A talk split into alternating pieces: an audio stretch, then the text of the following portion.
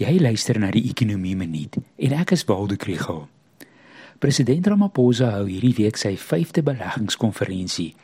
Maar swak sakevertroue en beleidsonsekerheid gaan dit moeilik maak om beleggers te oortuig om hier te belê. Hierdie episode word ondersteun deur Genwell Finansiële Adviesdiens en die NWI Sakeskool. Vaste kapitaalinvestering staan op ongeveer 14,1% van BBP. Dit is eenvoudig te laag om ekonomiese groei te dryf. Op 'n baie praktiese vlak is beerdkrag die drywer van die bietjie investering wat op die oomblik plaasvind, soos wat ondernemings probeer om self energie op te wek.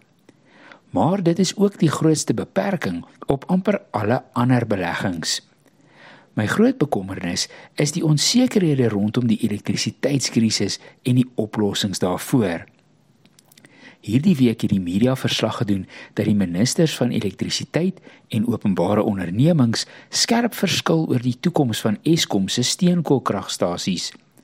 Minister Ramokopa dink dat 'n ouer kragstasie in stand gehou moet word en versien moet word om so die lewensduur te verleng. Die koste hiervan en wie hy dink daarvoor gaan betaal is nie duidelik nie. Daarteenoor dink minister Gordhan dat dit beter is om die beskikbare kapitaal te belê in nuwe opwekkingskapasiteit met hernubare bronne. Meeste van ons het nie gedink die debat is nog op hierdie vlak aan die gang nie. Wat het geword van die regverdige energieoorgang?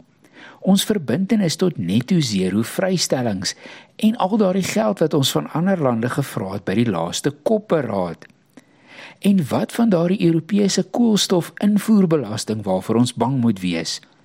Is beleggings in die transmissienetwerk en die ontwikkeling van hernubare energiebronne dan nie meer die plan nie? Of is dit net 'n deel van die plan, maar dalk nie meer die eerste prioriteit nie? As ek 'n belegger was, het ek my geld vasgehou en gewag en gesien.